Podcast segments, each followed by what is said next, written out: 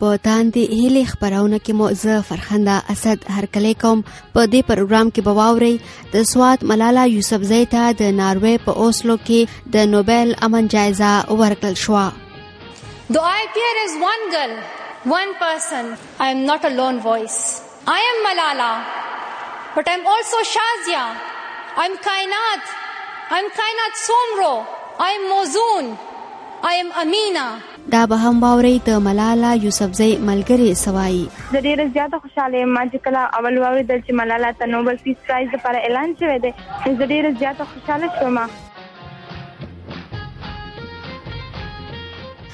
ملالا یوسفزۍ ته پرون د ناروې په اوسلو ښار کې د نوبل امن جایزه ورکړل شوه په دغه وخت هغې مور پلار د کورنۍ نور غړي د هغې ملګرو او یو شمیر نورو ملمنو ګډون وکړ ملالا د نوبل جایزې د ګټلو وروسته په خپل وینا کې د هغه ټولو ماشومانو ذکر وکړ چې د تعلیمه محروم دي هغې اول په نړۍ کې په میلیونونو ماشومان او خاص کر جنکۍ د تعلیمه محروم دي او باید دوی لا دغه حق ورکړل شي هغه وړاندې وایي The IPR is one girl,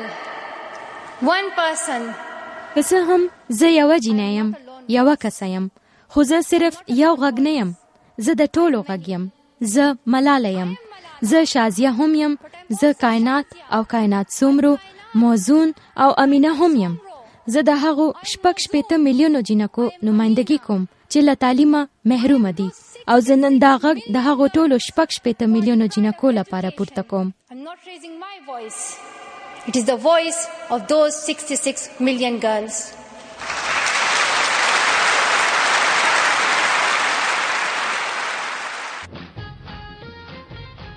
د هند کیلاش ستیارتی ته هم د نوبل جایزه ورکړل شوه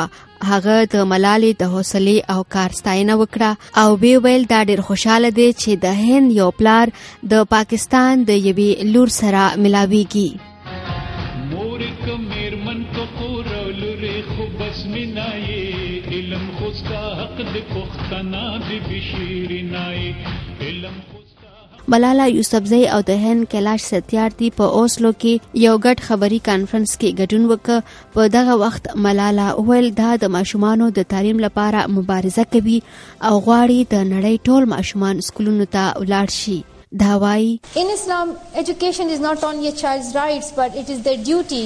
There is په اسلام کې تعلیم یوازې د یو ماشوم حق نه دی بلکې دا فرض دی دا د پیغمبر علی السلام حدیث دی تاسو باید علم حاصل کړئ او دا یوازې د سړو لپاره نه بلکې د هرې خزې هر الک او هرې جینې لپاره دی تعلیم یوازې د یوې ډلې لپاره نه دی دا د ټولو حق دی حتی که ستا عمر زیات هم وي خو تعلیم حاصلول شي دا د ژوند ضرورت دی ته ځان به خبره نشي ساتلی چې بس کور کې به او د تعلیم نه بغیر ژوند هیڅ مانا نه لري.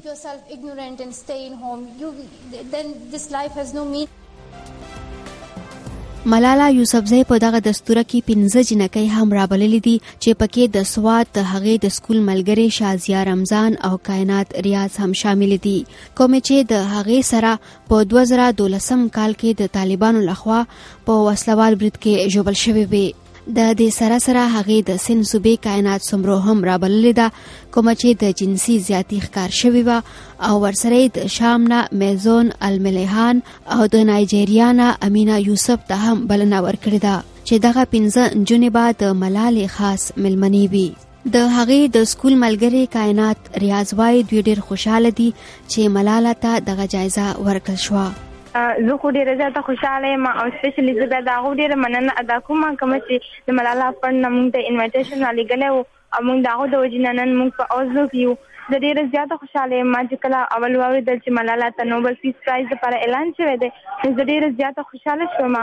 او بل دا چې هغه د جنکو د تعلیم لپاره اواز جوړ کړ او په ډیر کم ایج کې نو زموږ د پاره ډیر د فخر خبره ده او هغه نن د خپل د کامیابی یو د غور ته ملا شو زموږ ډیر زیات نن خوشاله یو چې هغه نوبل پیس پرایز اخلي نو موږ ډیر زیات خوشاله یو موږ د ملاله سره به همیشه وو ان شاء الله همیشه به سره فیوچر کې هم یو او موږ دا غواړو چې په پاکستان کې دې هر یو ماشوم چې دې هغه تعلیم حاصل کی ادا د دوه حق ته د دوه حق ضرور ملاو شي نو ان شاء الله موږ دا غي سره په فیوچر کې هم مدد کوو او به سپورټ کوو د کائنات نمو چې کله دا تپوس وک دوی چې کله د نورو هوادونو د خلکو سره ملاويږي نو هغوی ورته سوایي جی موږ د ډیرو کسان سره ملاو شو چې هغه موږ ته دا وایي چې تاسو لکه ډیر زیات بهادري جنې حالانکه په هغه ټایم کې زموږ د سواد حالات ډیر زیات خراب ول چې یو ماشوم هم خپل تعلیم لپاره اواز نشو جوړولای چې ملاله ډیر زیات په ورکوټي عمر کې هغه د جنکو د تعلیم لپاره اواز جوړ کړو نو کوم نن دلته کې یو مونږ نن اوس د تراغلی مونږ نن یو کې تراغلی مونږ هم د ملاله د وجې نه راغلی یو ځکه چې مونږ د هغه ټایم باندې په 9 اکتوبر باندې په 2012 مونږ د ملاله سره په یو بس کې ول نو مونږ دا سره زخمی شوی ول نو دی وجه نه مونږ دلته کې راغلو مونږ ډیر زیات خلک ولیدل چې مونږ ډیر زیات خلک ریسپیکټ راکړي مونږ د سي د سي ډیر مشهور زګون تلاړو چې هغه ډیر موږ ریسپیکټ راکړي د دې د وجنا چې موږ د ملاله سره لګیدل یو او موږ د جنکو تعلیم غواړو چې پاکستان کې د هر یو ماشوم چې د هغه تعلیم حاصل کړي ان شاء الله موږ د ملالا سره وو د خیر سره او بس ملالا سره به موږ همیشه یو چې د ملالا کمیشن دی د پاکستان کې هر یو ماشوم تعلیم حاصل کړي که هغه مغرب وي او که هغه مالدار وي او هغه تعلیم حاصل کړي ان شاء الله موږ د ملالا سره مخ کې ته هم یو په اوسلو کې د ملالا یوسفزۍ د سکول هغه یونیفارم هم نندارې ته اخودل شوې ده په کوم کې چې هغه وشتل شوی و د هغه کورنۍ د هغې د سکول دغه جامې خوندي کې خاودې وي چې اوس هم پرې د هغې د وینې داغونه دي ملاله د خپل سکول د دغه یونیفارم په اړه وایي دا د دې لپاره ډیر اهمیت لري ځکه چې دغه جامې به د هر سهار اچولې او سکول ته به پکې تلله ملاله څه موده وړاندې د مشال رادیو سره په خبرو کې ویلي وو یوازې پر دې دغه پیښه نه ده تیره شوې بلکې په نړۍ کې هره ورځ خلک د تعلیم او امن د خورولو په لار کې د سختو نه تیریږي نو په ما باندې چې کومه سانحه تیره شوې وه نو هغه خو یوازې په ما باندې نه وه تیره شوې هغه خو هره ورځ په هر یو ملک کې هره ورځ کیږي هغه په سیریا کې روانه ده هغه په فلسطین کې روانه ده هغه په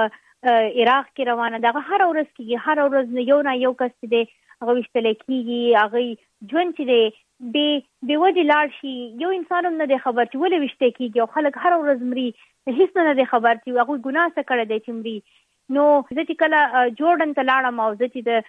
جوړن او د سیریا په باډر باندی ومنو ما هلته ولیدل چی یعنی پنځوس شپیته خلک چی وو هغه را روان وو او هغوی د سیریا نه را روان وو جورډن ته او ما چی وکتل نو په هغوی کی ډیر شی میندی وی غټ غټ یعنی دا ځان سره سامان راغستی وو چی د هغوی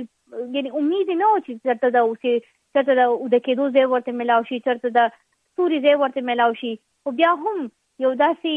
یعنی یو ایکسپیکټیشن یې و چې چرته نه چرته خو به په امن کې چرته اوسي نو هلته ما ډېر شي ماشومان لیدل له چا پیزارونه په خپو نه وو څه ماشومانو جامې بالکل نه وي او ډېر زیات په بد حالت کې وو څه خو بالکل یعنی په ورځ ورځ وږي تیر شوي وو او ډېر زیات په یعنی ډېر زیات په تکلیف کې وو هغوی او ما چې هلته وکتل نو زه ډېره زیاته حیرانه شوم چې مي دا څه روان دي په دنيا کي ولي دا خلک بي کوره کيږي ددو ګناه څه دی نو بيا ما سوچ وکړو چي موږ ددي ماشومان د پاره اواز ولي نه اوچتو موږ ددي خلکو د پاره اواز ولي نه اوچتو او دا ډير ضروري ده چي موږ د هغوي د پاره اوس خبره وکړو ځکه زيات تر خو موږ په ټويټر ماني وينو چي دوه دري ورځي يو ايشو چي دغه هايلايټ شي خو بيا خلک غلي شي او موږ له نه دی په کار چي موږ غلي پاتي شو بدي حالاتو کي موږ له پکاره چې موږ بار بار د دې خلکو د امن د پاره आवाज اوچت کو او د دې خلکو د پاره نور هیڅ نه دی پکار نو د نه دوی غټي غټي موټرې غواړي نه دوی غټ غټ محلونه غواړي دوی صرف امن غواړي امن دوی غواړي چې دوی دې په امن کې اوسي د دوی د خپل کورونه ته واپس لاړ شي او دوی د خپل هغه خوشحالي ژوند دوباره وي د ملاله یوسفزۍ د ملګری کائنات نمو چې کله دا وپوښتل ملاله ته د یو شمېر نړیوالو ادارو لخوا جایزې ورکړل شوې او اوس ورته د نوبل امن جایزه هم ورکړل شو نو آیا ملاله چې کله د دوی سره سکول کې و او اوس چې کله له دوی سره ملاویږي نو د هغې پر رویه کې څه بدلون راغلی او کنه په جواب کې کائنات وایي جی من خو پکې وسه پوری څه بدلون نه دلی دله خو ملاله زمانه یو کلاس کې هغه جونیئر وازه تی سینیئر کې ومه نو ملاله زموږ سره ډیره زیاته په فرندلی کې به راتله موږ ډیر زیات ښکلی وخت په سکول کې تیر کړی وو او حالانکه موږ وس خپل کلی نه بهر یو نو موږ دلته کوم خپل کوم سټډي چې دا هغه موږ ډیر زیات انجوای کوو موږ ډیر زیات خوشاله یو چې موږ نن دلته کې د ملاله سره او ملاله بیا هم په داسې حالات کې چې هغه ډیره زیاته بیزي ده مصروفه ده په خپل سټډي کې په خپل کارونو کې خو هغه بیا مول هم هغه شانتي کې زور دغه راکوي مخکې چې څنګه وو موږ یې چېرته اګنور کړي نه یو الټه لکه هغه زموږ سره ډېره زیاته مینه کوي هغه موږ ته دا د ښکوي چې موږ د خپل کلي نه لرې یو موږ د خپل خاندان خپل د وطن مینه جلا په یو بل ماتو په اوسلو کې په دغه دستوره کې د پاکستان پخوانی وزیراعظم یوسف رضا ګیلانی هم ګډون کوي هغه د هغه ټولو پاکستانیانو سره هم ولیدل چې په دغه دستوره کې د ګډون لپاره راغلي دي د دې سره سره د خیبر پښتونخوا او د سوات نه هم یو شمیر ملمانه په دغه دستوره کې ګډون کوي چې پکې د دغه صوبې په خوانې د اطلاعات وزیر میا افتخار حسین هم شامل دی د ملالا یو بل ملګری شازیا رمضان چې په اوسلو کې دغه دستوره ته راغلی وای ملالا او دوی د خپل روایتو سره مینه لري او غواړي د تعلیم لپاره دوی هم د ملالا غوندې کار وکړي او دوی د هغې سره په دغه کار کې ملګری دي ام زما لپاره ملاله لپاره ډیر ریسپیکټ زما په زړه کې ځکه چې دا داخل کوم ځای مې چې هغه د دې سچويشن کې د جنکو لپاره د جنکو د حق لپاره आवाज چت کړي او نظر ډیر ریسپیکټ کوم د ملاله او ملاله هم هر یو تن ریسپیکټ کوي څنګه چې هغه هر یو ماشوم ته غواړي چې هغه د اډوকেশন حاصل کړي زه هغه د عزت کومه انشاءالله خدای دې هغه له هغو په مشن کې کامیابي ورکړي. خو هغه مو خپل هغه شانتې روایت قائم ساتي کوم چې زموږ پاکستان کې موږ کپړې یوز کوو هغه دغه شانتې موږ دلته یوز کوو موږ چې د نورو سره مېلاو شو هغوی زموږ لباس ډېر خوښ شي هغو زموږ لباس ډېر پرفر کوي هغه وایي تاسو چې دی تاسو وایئ چې تاسو تاسو باډي دي کوي تاسو ډېر ښکلی لباس دی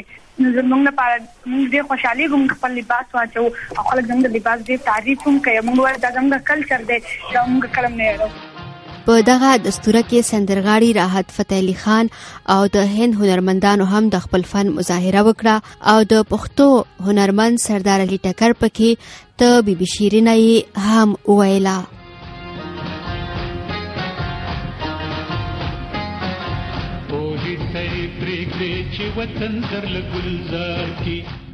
دا و تاند هلي خبرونه چې تاسو واوریده زه فرخنده اسد درنه اجازه غواړم